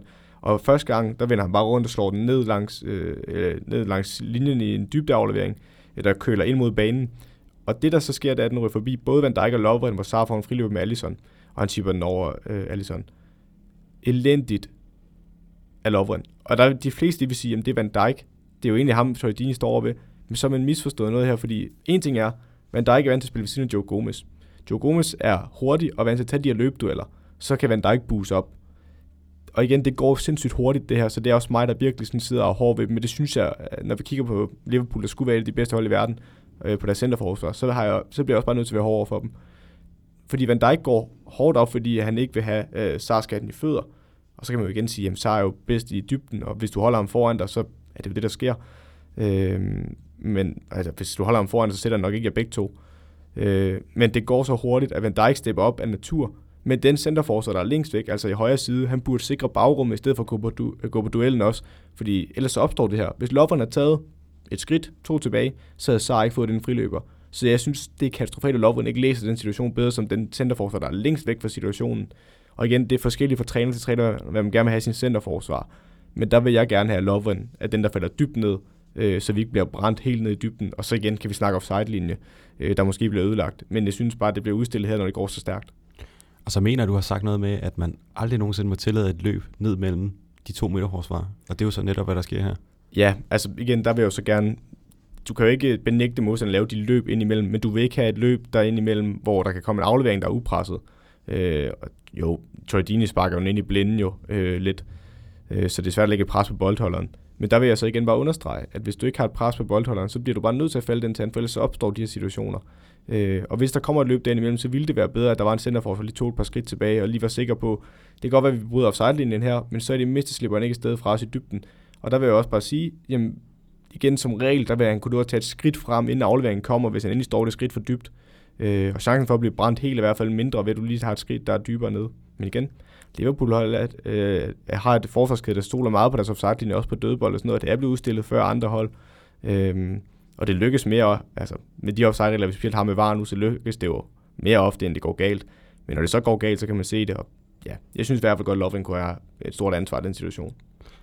Og ellers så derudover kæmpe stort, eller kæmpe stor ros til Watford. Og hvis det her det ender med at blive øh, Liverpools eneste nederlag i den her sæson, så skal Ismail Azar have en statue foran Emirates. Øh, det er han nødt til. det er han simpelthen ja, nødt til. Men igen, jeg tror ikke, det bliver Liverpool. Altså, vi snakker også om det, inden jeg kunne ikke jeg blev ved med at blive forundret over, at Liverpool kunne vinde de her kamp. Og hvis det havde været, vi snakker om det sidste afsnit, at hvis der havde hvilket som helst andet hold, der spillede som Liverpool gjorde mod West Ham, eller nogle af de andre kampe, jeg nævnte i Fling, altså Watford, som jeg også jeg tror også, jeg faktisk har nævnt, at Watford var en af dem, der kunne snuble Liverpool i sidste ja, par kamp. Ja, det godt, at de havde og det var, faktisk, det var faktisk godt, du, fordi det var den anden ting, jeg lige ville pusse min glorie, at jeg nåede faktisk at sige i tidligere sæson, at Watford ja. nok godt kunne slå Liverpool i returen. Øh, men ja, jeg synes bare, at hvis Liverpool de bliver ved med at spille sådan der, det, det går jo bare galt før det senere, og så har de bare haft så meget kvalitet og haft så stærkt et koncept, at det tit er op, der kunne komme ud af det. Hvis du bliver ved med at grave ned i et hul, så det sidste så falder du også ned i det. Og det bliver næsten en deep dive, så nu vil jeg bare sige, at uh, Watford de skal en tur til Crystal Palace næste gang, og Liverpool skal hjemme møde Bournemouth. Vi skal en tur til Tottenham, som har mødt Wolverhampton og tabt 3-2. Og det er jo bare... Der er jo lidt kaos i Tottenham med skader og spillet, der ikke rigtig fungerer, og så er Wolverhampton jo bare gode til at storme et øh, forsvar. Og Mourinho han havde ret, da han sagde, at han ikke ville ændre sig for... Eller at han ville ændre sig, fordi hans, hans hold, de står så bare ikke godt i defensiven længere. Ikke i den her kamp i hvert fald. Nej, og jeg vil også sige, men det, hvis du kigger på deres midterforsvar i den her kamp, og man kan blive ved med, at han siger, Mourinho, ah, men de har skader, og jeg kan sagtens igen fuld sympati for, at de mangler Harry Kane og Son. Der er ikke et hold i Premier League, hvis de mangler, det skulle lige være City med deres brede trup, men der er næsten ikke et hold i Premier League, hvis de mangler to så dygtige offensive spillere, der ikke vil kunne mærke det øh, markant. Men jeg synes heller ikke, at, at han på nogen måde har været god til at, og sådan at, at lykkes uden de to. Og det skal man kunne som manager, hvis du er en af verdens bedste manager. Øh, rammer man samme topniveau? Nej, det gør du ikke nødvendigvis, men altså, for eksempel det der bund og grund af Mourinho i nødskal, og så ved jeg godt, vi kan snakke om, som jeg også, vi også har gjort, han har ændret lidt den måde, han spiller ud for bagkæde på, hvor de i tidligere sæson spillede med tre centerforsvar, hvor det så var en meget skæv formation. Nu er de gået mere over til at spille en regulær 3-4-3, noget i den dur. Øhm, men men det, han har ikke ændret den måde, han spiller på. Altså den måde, han spiller på, det er akkurat den samme spillestil, som det var i Chelsea, som det var i Real Madrid til dels, og som det var i United. Han vil have en stor angreb, man kan lægge den op på, og så skal der være løb omkring ham. Vi står godt i defensiven, så er det sådan, vi skaber kontraangreb. Øh, man kan kigge på det i, Øh, i Chelsea, der havde han Drogba, hvor han så havde løb omkring ham. I Real Madrid havde han i en mindre grad, men lidt i det samme, hvor de også kørte mange gode kontraangreb, og nok var verden, en af verdens bedste kontraangreb, eller kontraangribende hold med Benzema, hvor det var Ronaldo, der lavede løb omkring ham. mener også, det var Bale, der var det dengang. Øhm, eller Di Maria. Og det er det samme, han vil her jo. Altså, nu gør han det bare med Dele lige den her kamp, og så Lukas, og, Lukas øh, Motor og Bergvind omkring ham. Øh, normalt vil han så have Kane, og så vil han have Son, Lukas, nogle af de andre til at løbe løb omkring ham. Det ændrer han ikke, selvom han ikke har den store angriber mere. Det synes jeg er snæversynet som træner.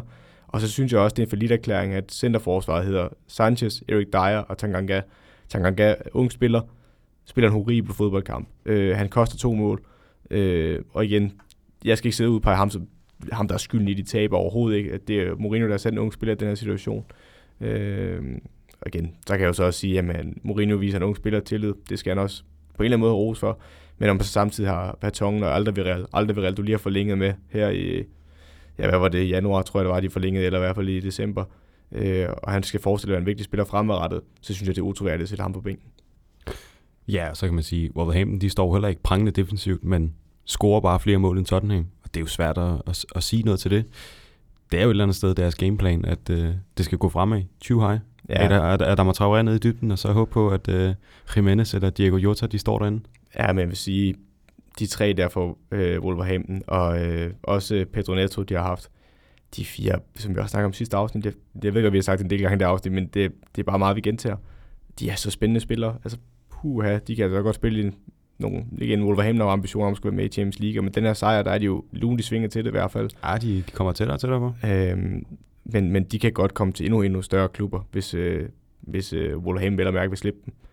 Øhm, så det er et spændende hold. Øh, og, men igen, jeg vil så også lige rose, Tottenham skal også rose for eksempel det første mål, hvor Bergvind scorer. Det er en god aflevering op igennem banen for Erik Dyer, op igennem øh, kæderne centralt, fra, øh, eller op igennem de centrale kæder for Wolves, hvor Bergvind kommer ned i banen, og så modtager ligger den af med det samme til Lo Celso, øh, som driver den lidt, og så bliver den ud i højre side, så ligger Chadrouillet et fladt indlæg på tværs, øh, og så bliver den rettet af, og så havner den ved Bergvind, der så afslutter, nej, vent, den øh, havner hos Della lige som afslutter, øh, centralt inde øh, foran det lille felt, hvor Rui Patricio redder, og så er Bergvin med en fodparade. Men Bergvin er jo med i opspillet, og han har været solid indkøb indtil videre, og er stadig en ung spiller, så det skal de have ro så. Øhm, men der er mange andre ting, vi kigger på, hvor det er sådan, der ikke fungerer. Nu er du ude efter dig nede i forsvaret. Han er jo en god forsvarer. Det har vi set. Op på tribunen med ham. op til brormand der. det er han, han er lidt en udsmider i stedet måske. men øh, ja, igen. Øh, jeg synes, igen, vi kan også rose det andet mål, de har Tottenham, hvor Chateaurie laver en flot skudfind på sit højre ben, og så trækker den over til venstre og sparker over i langt hjørne. Øh, og det lige har sit hovedstød i et 55. minut, han måske kunne score på. Øh, men derfra har jeg egentlig ikke så mange roser ud over det, for at være ærlig. Øh, vi kan kigge på Wolverhamptons ene mål. De spiller den rundt i fase 2 i opbygningsspillet. Ryger ud i venstre side, hvor Jota, og, eller Diogo Jota, han laver en 1-2 med Ruben Minagre. Øh, og så er Vinagre spurgt afsted fra Sergio hjem. Så kommer han til baglinjen, hvor der står et hårdt indlæg ind i hoftehøjde. Tanganga rammer den med låret, men får den ikke clearet rigtigt, og så falder returbolden ud til Doherty, der øh, på kanten af lille felt lige får sparket den under øh, Gazzaniga, der kommer ud. Er det ikke Gazzaniga, der står den her kamp egentlig? Øh, det, det, jeg tror faktisk, det er Uri. Det tror jeg faktisk ikke. Det er ikke Gazzaniga, der står den her. Ja, ja det var det også. De ligner hinanden. Ja, lige præcis, men Gazzaniga, den røver under ham i hvert fald. Øhm, og igen, der er også to dårlige situationer. Ja, vi kan snakke om Tanganga, der ikke øh, får klidet ordentligt med låret. Men han bliver også overrasket over, at et af indlægget kommer så hårdt, men to, at Erik Dyer i det forreste område prøver at sparke på den, og han sparker hul i luften, og den kommer hurtigt, så det er svært at ramme. Men så må du sætte et eller andet på den. Altså, så er det ikke sikkert, at du kan klire den helt ud af kommunen, men så må du ryge til hjørne, eller øh, i hvert fald ikke ryge på tværs af feltet. Øh, og det overrasker også Tanganga, øh, og den kommer i en svær højde. Så har vi det andet mål øh, fra Wolverhampton, det er Diogo Jota, hvor Adam Traoré dribler fremad og bliver revet ned centralt i banen på Spurs halvdel. Øh, han bliver på benene, og så, altså, de trækker lidt, men han bliver på benene og øh, fortsætter frem og spiller Jimenez, der så venter på overlaget for Doherty. Doherty passerer ham, og så afleverer øh, øh, Jimenez, eller Jimenez bolden til Doherty, og så slår Doherty et fladt indlæg, hvor Jota kommer i det bagerste område, og så bare prikker den ind.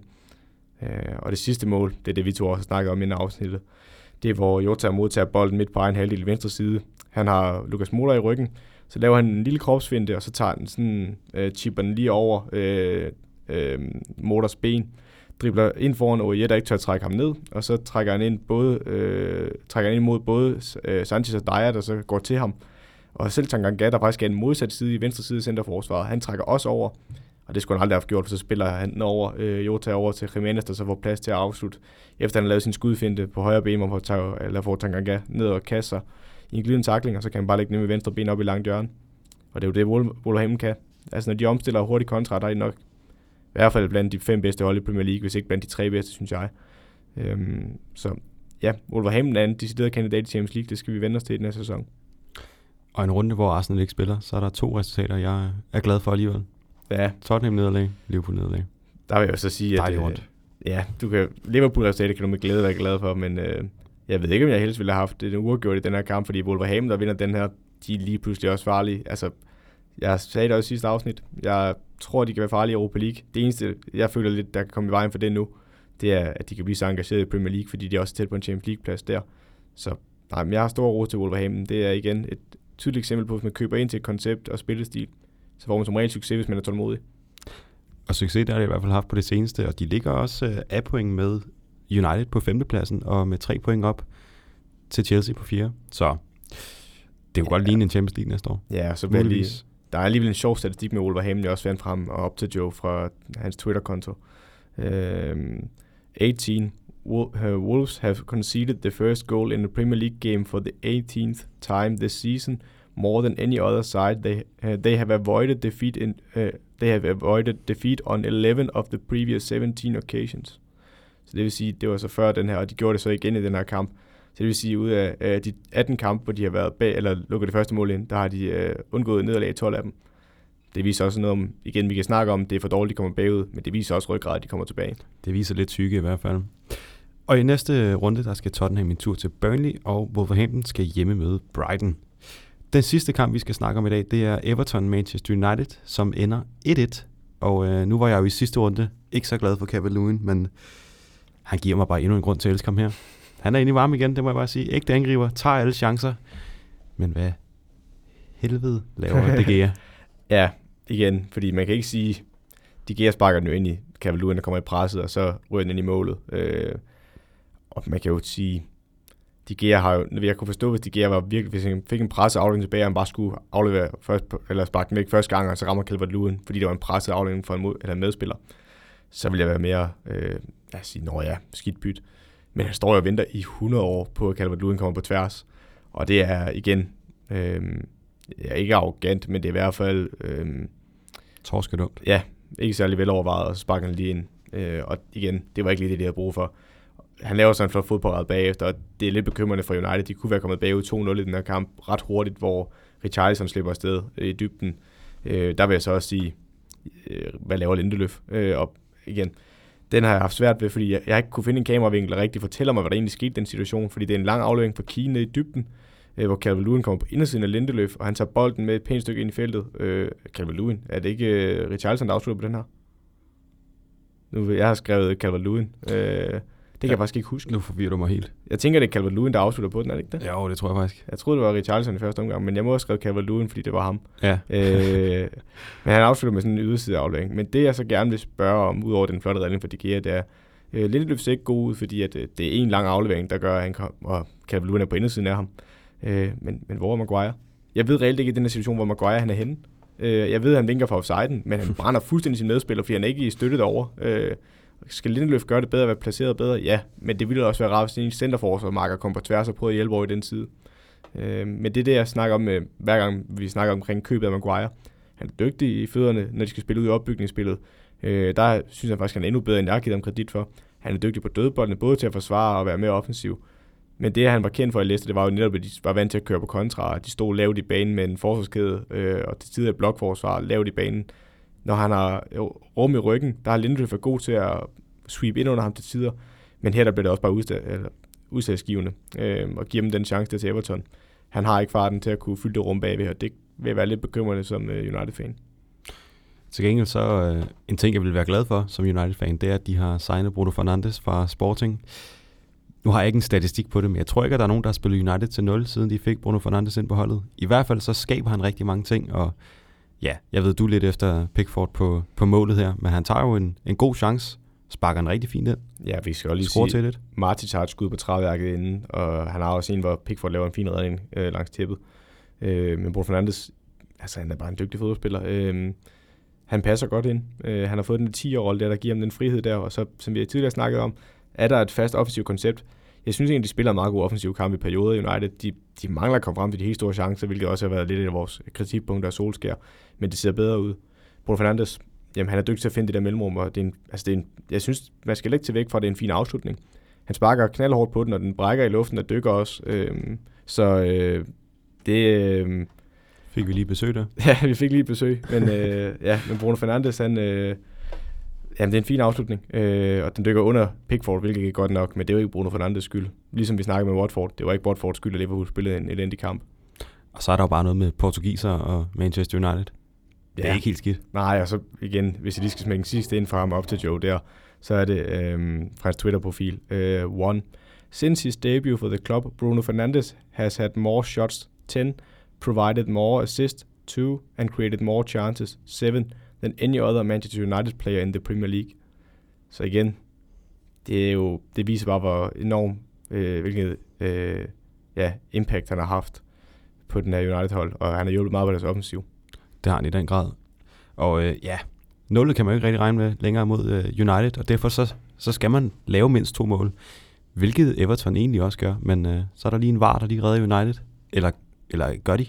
Ja, og der er det jo Øh, jeg var hurtig til Twitter den her gang, eller hurtigere og hurtigere. Jeg sad og gravede i regelbogen fra øh, det engelske fodboldforbund. Der, der er ikke nogen af dine opslag, der er hurtige, vil jeg sige. Der, der, der er gerne et par billeder med. Og... Velovervejet tegnet. Ja, lige præcis. øh, som man kender dig. Ja, men det, det, jeg skal være troværdig, eller være tro mod den person, jeg er jo. Øh, jeg kan heller ikke lide, når du kommer med de korte spydige kommentarer. Det, Nej, det, det, det plejer ikke at være godt for det, mig. Det klæder, ikke, det klæder mig heller ikke. Nej. Men øh, jeg skrev bare på Twitter, at man skulle gøre selvfølgelig en overvejelse, for der var mange diskussioner, hvor den ene lejr hed Everton-fansene sagde jo, jamen, Sigurdsson ligger der øh, i en offside-position, men den går jo ind alligevel. Altså afslutningen, den bliver jo, vi skal lige have med, det er jo en, øh, det er en afslutning. Hvem er det, der afslutter? Er det Calvert Lewin? Øh, det plejer gerne at være Calvert Lewin. Skal vi ikke bare sige det? Hver gang vi er i tvivl nu, så er det bare Calvert Nej, det er Calvert Lewin, for jeg kan huske, at han jubler. Øh, så det, det må være ham. Ja, det mener jeg også, det er. Og så Sigurdsson ligger derinde, og så bliver den rettet af i afslutningen.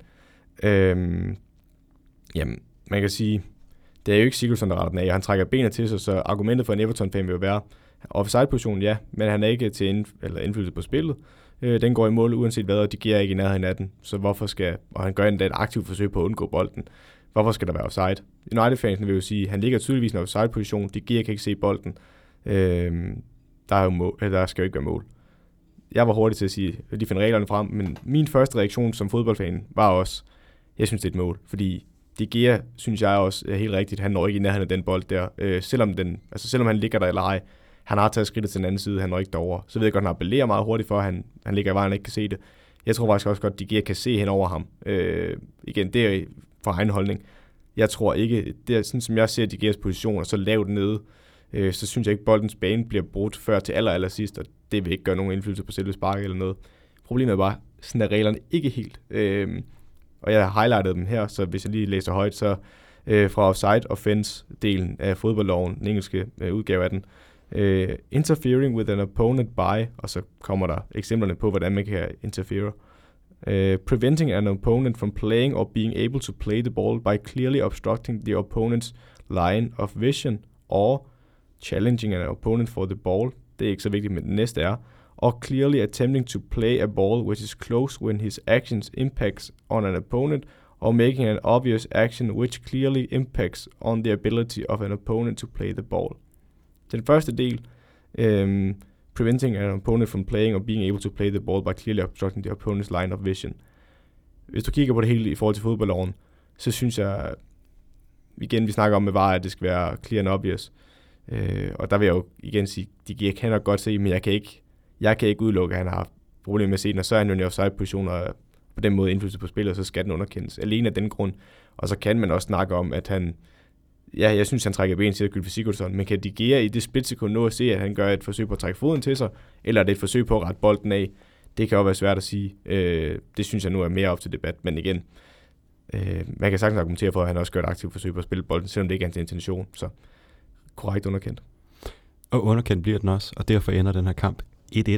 Og i næste runde, der skal Everton en tur til Chelsea og Manchester Derby på Old Trafford. Manchester United mod Manchester City. Det var de kampe, der var i den her spillerunde, fordi at der har været en uh, Carabao Cup finale, som du jo mente blev en stor sejr til City. 2-1. Ikke helt stor.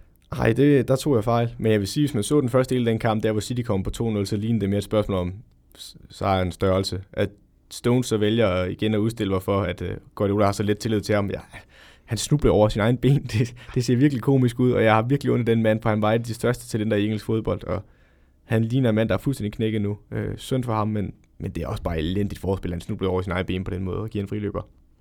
Sådan er det. Ja. Du fik ikke ret. Nej, det der, der er ikke tid til at puske her. Men i hvert fald så var der jo to kampe, vi ikke fik. Det var Manchester, Manchester City Arsenal, som skal spilles onsdag den 11. marts. Og så var det Aston Villa Sheffield United, som endnu ikke har fået en dato, fordi at øh, Sheffield også er gået videre i FA-koppen. Så der er lige en kamp mod Manchester United, som også skal udsættes.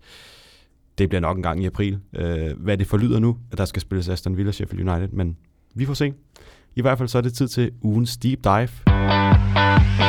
Værsgo, Søren. Mange tak. Øhm, ja, igen, jeg havde snakket om det måske at have Liverpool med ind over deres centerforsvar det fik jeg alligevel ned ind i afsnittet, sådan ja. lidt diskret. Vi, jeg vil sige, vi har otte kampe, og vi er over en time. Det, det må være en ny rekord. Ja, øh, så den fik jeg lige sned ind der, men nu tager vi den så, den anden, jeg havde med. Øh, det var, som vi snakkede om tidligere, fra Bournemouth-Chelsea-kampen. Øh, og det er måske et af de mest ringe stykke forspil, jeg har set i Premier League. Øh, den tid, jeg i hvert fald har kigget med det taktiske øjne. Øh, hvis vi lige starter med startopstillingerne, og igen, som jeg altid glemmer, det er utroligt enig kan det, så kan man, hvis man har lyst, følge med ind på vores Facebook-side og Instagram, hvis man vil se de tegninger, jeg laver. Måske, Ellers, måske Instagram. Måske jeg lover Instagram. ikke noget. Nej. Og i dag lover jeg noget. Ja, tak. Den kommer men, op i dag. Men, men igen, ellers så kan jeg også sagtens fortælle det her. Nå. Men øh, vi starter med Bournemouths formation. De stiller op med Ramsdale i målet. Så har de Jake Stacey på højre bak, Lewis Cook højre centerforsvar, Nathan Ake som venstre centerstopper, og Adam Smith som venstre bak. Så har de Jefferson Lerma som 8'eren, eller undskyld, som 6'eren. Og så har de Philip Billing som den højre øh, 8'er, og så har de Lewis Cook som den venstre 8'er. Så har de Ryan Fraser som højre kant, eller højre wing, Joshua King venstre wing og Callum Wilson helt fremme. Øh, det er deres 4-3, de står i. Så har vi et Chelsea, der stiller op i noget lignende en 3-4-2-1. Øh, og det er med Caballero i mål. Så har de Cesar Aspilicueta som den højre øh, centerstopper, markeringsspilleren. Andreas Christensen som den øh, centrale centerstopper. Og så har de Tomori som den venstre centerstopper. Så har de Reece James på højre wingback. Jorginho som den ene 8, og Kovacic som den anden. Øh, Marcos Alonso som venstre wingback. Så spiller de med sådan to øh, mellemrumspillere, som de to offensive 10'er og brede 10'er. Det er Mason Mount som den højre øh, brede offensiv midt, og Pedro som den brede offensiv midt i venstre side, og så har de Giroud på toppen. Vi har rost Chelsea i sidste runde for, at de var dygtige til at få Mason Mount og Pedro op ved siden af Giroud og skabe løb omkring Giroud, og det er det, der komplementerer Giroud godt i modsætning til med Abraham, der er en mere bevægelig angriber. Der er Giroud ligesom på landsholdet, hvor han er bedre til at holde bolden op til øh, Griezmann og øh, Mbappé. Øh, der har de været gode til at sætte ham i scenen. Øh, og igen, det er jo også en vigtig ting at tage med. Der var en ting, og jeg ved godt, at Kanté ikke har haft en så god sæson i år, og han er lavet skadet nu. Men når de spiller den her formation, så kræver det utrolig meget løbearbejde for de to otter, fordi de skal fylde kæmpe areal. Og det rum, der er bag dem, det betyder, at de to øh, brede centerstopper, Aspilicuerta og Tomori specielt, skal træde rigtig meget op for at hjælpe med at lukke det rum bagved, når der er mellemrumspillere, der vil løbe imellem Chelsea's forsvarskæde og midtbanekæde. Øh, det eksempel, vi ser her, det er et eksempel på, at øh, det, det gør ingen af dem. Der er faktisk ingen af dem, der bidrager positivt til den situation, og det er til 2-1-målet. Øh, det starter med, at Jack Stacey har bolden øh, lidt over øh, midterlinjen på øh, Chelsea's banehalvdel, Øhm, og øh, det er sådan lidt ude i højre side. Han har bolden, han spiller den bredt ud på en øh, Ryan Fraser, der er ude i højre side, trækker ned i banen for at modtage bolden. Øh, og igen, i den her situation, der har Marcus Alonso står inden for en fin afstand af Ryan Fraser, der er ikke et problem. Øh, den brede offensiv midt, Pedro, står også fint inde i det centrale område og markerer øh, Stacy. Der er ikke et problem her. Det problem, der ligger, det er, at Callum Wilson har lagt sig over bag ved øh, Andreas Christensen, den helt centrale stopper, øh, og ligger i det mellemrum mellem den højre stopper og Andreas Christensen. Og det, så i det næste mellemrum, der ligger i Chelsea's bagkæde, øh, hvor Aspilicueta står sammen med øh, Rhys James, der ligger øh, Joshua King imellem. Godt. Så har vi øh, Philip Billing, der har lagt sig ind mellem de to otter for øh, Chelsea, Kovacic og Jorginho. Okay, indtil videre virker det ikke som et problem. Problemet er, at øh, center står Andreas Christensen står jo med Callum Wilson, så han kan ikke løbe med over til Tomodi over i venstre side, hvor bolden egentlig er, hvor Tomodi er på vej over, øh, fordi han er bange for, hvad Callum Wilson gør. Til gengæld tør den højre centerstopper, øh, Aspilicueta, ikke bevæge sig med over for at hjælpe med Callum Wilson, fordi han har Joshua King imellem sig. Rhys James, han står lidt yderligt, fordi han tænker, min højre centerstopper har fri eller styr på Joshua King. Så vi er egentlig 3 mod 2 i det område. Det er der jo styr på. Så skulle man jo tro, at de to otter, de skal jo så lukke det centrale rum. Øhm, men Philip Billing, han får lov til at vade på tværs af hele banen over i det mellemrum, der ligger imellem øh, eller foran Tomodi øh, og øh, ja, bag ved Kovacic og Eugenio og bag ved Pedro. Der er et kæmpe tomrum derimellem øh, forsvarskænden og midtbanen. Øh, så da Ryan Fraser får bolden fra Jack Stacey, der så laver et underlap på indersiden af banen, øh, og Philip Billing løber over, der er ikke nogen, der følger ham. Der er ikke én spiller, der følger ham. Overhovedet ikke. Og Stacy fortsætter bare sit løb, og Pedro løber selvfølgelig efter ham for at lukke ham af. Øh, og Fraser trækker ned i banen og ind i banen. Øh, cirka der, hvor Stacy stod før. Øh, og så er Philip Billing bare i en skrueaflæng, helt fri ind i banen. Der er ingen, der går på ham. Problemet bliver, at Tomodi, som der er øh, ham, der egentlig bør gå op og lukke det hul, øh, når øh, Eugenio og Kovacic ikke gør det, så skal han træde op. Men han tør ikke træde op, fordi der er et kæmpe mellemrum på ham på ydersiden, fordi Alonso er steppet op for at dække Ryan Fraser, og bagrummet, der ligger derude, jamen, det er der ikke nogen, der til at lukke. Så han står nu og skal beslutte, okay, skal jeg fare op på Philip Billing, risikere, at der bliver lagt en stikning ned på det løb, Jack Stacey laver med sit underlap i det mellemrum mellem ham og, eller mellem øh, Tomodi og Alonso, eller skal jeg blive her, og så må Philip Billing blive, få lov til at modtage bolden. Han vælger, at Philip Billing får lov til at modtage bolden, fordi ja, Kovacic og Eugenio har bare givet slip på ham, og de, jeg vil understrege, de dækker ikke nogen her. Altså, de er bare ikke side for ordentligt, de er ikke gået langt nok ned i banen, især Kovacic, han, han er jo, Eugenio står i det rigtige område, bare i modsat side, så det er egentlig fair nok. Øh, det kan så være, at han lige skulle fortælle øh, Kovacic, at han er løbet på tværs Billing. Øh, men Kovacic, han står, øh, han står op i ingenting, fuldstændig. Så nu afleverer Ryan Fraser ind i det rum, hvor Billing står. Billing bliver retvendt nu, øh, og Tomodi træder halvt op og tænker, hvad gør jeg nu? Han tør ikke rigtig gå på Billing, fordi så kan han stikke den dybt, men hvis han øh, bliver stående ned, så løber Billing bare ned, eller Philip Billing bare ned mod ham. Øh, Philip Billing løber ned nu i banen og er blevet retvendt og ind i banen, øh, og Jack Stacey, han er helt fri i højre side, og Pedro prøver at jagte ham ned, men han når ham ikke. Øh, og så ligger Philip Billing dybt til Jack Stacey, der løber til baglinjen, slår ham på tværs. Og vi pauser lige, fordi da vi så kigger tilbage på situationen før, og spoler lige tilbage, så var de tre Chelsea-spillere, Andreas Christensen, de var øh, Cesar Azpilicueta og den højre wingback Reece James til at dække Callum Wilson og King. Men det King og Wilson har gjort nu, det er, at de har angrebet mellemrum mellem dem, så der er ikke nogen af dem, der går på markeringerne. Andreas Christen prøver at løbe på tværs over at dække Jack Stacey. Det når han ikke. Så han ligger et flat indlæg på tværs, og Callum Wilson står helt fri på kanten af lille felt, rammer ikke bolden. Øh, Caballero tror, han rammer bolden jo, så han kaster sig. og så kan Joshua King løbe ind i tom tomt mål. Så det vil sige, at det er en overtalssituation, vi endelig havde i den anden side. Der kan de ikke engang markere. Det mellemrum, vi havde foran forsvaret, hvor Kovacic og Eugenio skal dække, der er ingen af dem, der dækker noget. Og Tomodi tør ikke træde op, og Alonso efterlader Kevin bagrum. Det er lidt the perfect storm, men er så mange individuelle fejl, og igen, det er jo en kædereaktion, hvor det så sker, for eksempel, vi snakker om, at de står ikke er sideforskudt nok over i højre side, og ikke kommer langt nok over mod venstre for at hjælpe Tomodi. Øh, det er jo øh, individuelle fejl, øh, og det er mangel på kommunikation, og det vil bekymre mig meget som træner, fordi at det er simpelthen for ringe på det her niveau. Jeg lidt chokeret over, at det kan finde sted i Premier League, for at være ærlig. Og så står den 2-1. Så står den nemlig 2-1. Øh, den bliver lagt på tærs, og så King ligger i tom mål. Øhm, jamen, jeg er helt... Jeg ved ikke lige, øh, hvordan det, det her det sker. Det sker jo, fordi der ikke er kommunikation. Det er min påstand. Øhm, og det er netop noget så simpelt, fordi det er noget af det mest oversete i fodbold, og specielt når man sidder og ser en fodboldkamp og sådan noget, så kan man tænke, ah, hvorfor løber han derop, eller hvorfor gør han ikke det? Øh, og hvis man også selv har spillet en fodboldkamp, kan man også bare nogle, ah, det er jo bare, men kommunikation er noget af det vigtigste i fodbold, øh, specielt når du dækker op. Øh, det er så vigtigt, at man, for eksempel som vi snakker om intervalløbende, eller i intervalspil, at man lige siger, at man sender markeringen videre, eller øh, råber, jamen hvem har ham her, eller altså, skal jeg bare følge med, eller de der små ting. Hvis der ikke er kommunikation, så kan man komme til at se rigtig, rigtig dum ud, og det gør Chelsea her. Det gør de. Til gengæld så lyder du ikke dum. Endnu en gang. Tak, tak. Jamen altså, det, det bliver bedre og bedre. Og jeg er nødt til at rose hver gang, fordi jeg er startet på det, så, så nu gør vi det bare. Ja. Det er også en meget god tradition. Ja, det, det holder. det ikke godt? Jo, jo, det gør det. Det er jeg meget glad for.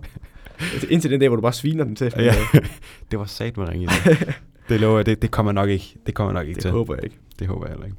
Men i hvert fald, vi skal til vores øh, sidste segment, citattabellen. Jeg har kun Ja, jeg, jeg havde kun en med i dag. Normalt så har jeg lidt at vælge imellem. I dag der har jeg fundet en, og jeg elskede den så meget, at jeg, jeg tror, jeg så den klokken 2 om natten på Instagram, hvor jeg ikke kunne sove. Og så måtte jeg lige gemme den, så jeg vidste, at den, øh, den ikke ville falde væk. Men i hvert fald så er det inden kampen mod Liverpool, hvor Troy Deeney han står i spillertunnelen, spillertunnelen sammen med den maskot, han ligesom har fået. Og øh, han er jo anfører, så han står forrest over den anden side. Der står Liverpools anfører, Virgil van Dijk, øh, til den her kamp. Fordi Henderson er ikke med. Nej. Nej. Så han har fået bindet der. Står også med sin øh, maskot der. Og så siger Deeney til øh, ham, han står med, If you had paid a bit more money, you could have stood there next to him. det har jeg faktisk ikke hørt. Ej, hvor er det et godt citat. Det er genialt. Jeg kan lige vise Også, dig video med, ja, efter, det er perfekt. Fordi, ja, det er virkelig godt, ej, et virkelig godt citat, fordi øh, sådan som Deeney udlægger det, så er det jo ikke bare, som det for eksempel er, hvor det er charity eller velgørenhed, hvor de får lov til at stå. Der er jo nogle steder, hvor de betaler sig for at få lov til at være maskot. Så det er virkelig et sjovt citat. Nå, det er meget Troy Deeney, det her, synes jeg. Det er meget selvironi også. Sådan, ja, både det og også selvironi, og lige en stik til, til, til højre og til venstre. Ja, det synes jeg virkelig er fedt. Og Van Dijk, han står bare griner lige lidt, men øh, han er fokuseret på kampen. Ja, det viser ej. også Troy det der med, også det du siger med, at han, han driller lofferen og sådan noget. Ja. Det er... Han sagde jo også efter kampen, det kan man også gå ind og finde jo. Der var han jo, han sagde jo lidt, uh, han kunne bare ikke, he couldn't handle me, eller sådan noget i den dur, og bare siger, jamen altså, når man bare begynder at skubbe til mig alt muligt andet, så har man allerede tabt. Så ej, det, det, nu kan jeg endnu bedre lide Troy Deeney. Det er et citat. Han er vildt fyr. Hvor, øh, hvor skal vi lande? Det er oppe i den positive ende i hvert fald. Er det, er det mere positivt end øh, Mourinho? Oh, den er deroppe af, synes jeg. Øh, den er svær, fordi jeg synes jo, at Mourinho gjorde det ikke med vilje, synes jeg. Jeg synes ikke, han gjorde det med vilje. Det var ren frustration, og så ja, en lidt dum udmelding, som man så synes blev sjov bagefter. Øh, Troy Deeney synes jeg jo, det er jo, det er jo det, er genialt, og det er heller ikke meningen nødvendigvis, at det skal komme på, på tv. Så jeg synes, det er næsten... Jeg, det, det synes du, den skal du have lov til at afgøre. Jeg synes, den ligger lige oh. i Mourinho-land. Og Ja. øh, den er over eller under, det har jeg svært ved at... Skal Mourinho, fordi det er sådan lidt, lidt ufrivilligt sjovt, skal han lige ryge, ryge lidt længere op, og så Troy Deeney lige under? Ja, men, ja, men derfor kunne man måske argumentere Eller for... du have Troy Deeney lidt over, fordi han Fordi det er med vilje, han gør med vilje det. sjov? Igen, det er din beslutning. Den tager du. Nu skal jeg lade være med at tale dig fra det jo. Det er også fordi, den er, den er både sjov, ja. Den er også lidt politisk, den er også lidt... Vi kan godt lide Troy Deeney, trods alt. Jamen, så ryger han sgu over Mourinho. Så er det eneste, der er over ham, det er Peter Crouch, og selvfølgelig vores øh, antiracisme-citat. yes, det synes jeg også er meget Lad os, ja, så bliver det også nærmest, nærmest, jeg kan slet ikke snakke i dag, nærmest et historisk afsnit. Det er også imponerende, du har kæmpet dig igennem et helt afsnit, hvis du ikke kan snakke. Det er jo sige. fordi, jeg ikke har fået min øh, fredagsbar Ah, bajer i dag. så, øh, men i hvert fald, lad os smide den ind der så. Lækker citat. Og det er, du bliver nødt til lige at se den bagefter. Jeg kan jo slet ikke ja. Sige det som ham. Han er jo, nej, den kommer så naturligt. Det, skal jeg se. det skal du helt sikkert. Og det synes jeg også øh, egentlig, at, øh, at lytteren skal. Det kan være, at jeg faktisk skulle begynde, når, der, når jeg har video af det, så lige Ja, ind. skærmoptage eventuelt, og så smide det ind på Ja, vores... Eller smid linket ind. Ja, linket. Jeg finder på noget. Jeg finder på noget lækkert. Det lover jeg. Fedt. Nu opdaterer vi uh, SoMe, nu hvor vi er, har været lidt, eller jeg har været lidt fra, fraværende. Skal vi sige det? Jeg lover, der kommer citattabel ud samtidig med afsnittet. Og det kommer ud i, uh, i dag. Ja. Skal vi sige, at jeg når det til klokken 18? Ja, det er omkring i hvert fald. Jeg skal lige hjem og lave en lasagne. Og så, øh, så passer det nok nogenlunde med. Mens den er i ovnen, så kan jeg lige klippe og lave din og den. Det er omkring. Men det er i hvert fald så, øh, det var, hvad vi havde for i dag. Ja, Vi er godt nok ramt en time og 20, selvom der kun var otte kamp. Er det lidt øh, bekymrende, det må vi ikke holde samme niveau til næste normale afsnit, så bliver det langt. Nej, vi kan love næste afsnit, det bliver langt i hvert fald. Ja, Med Kenneth.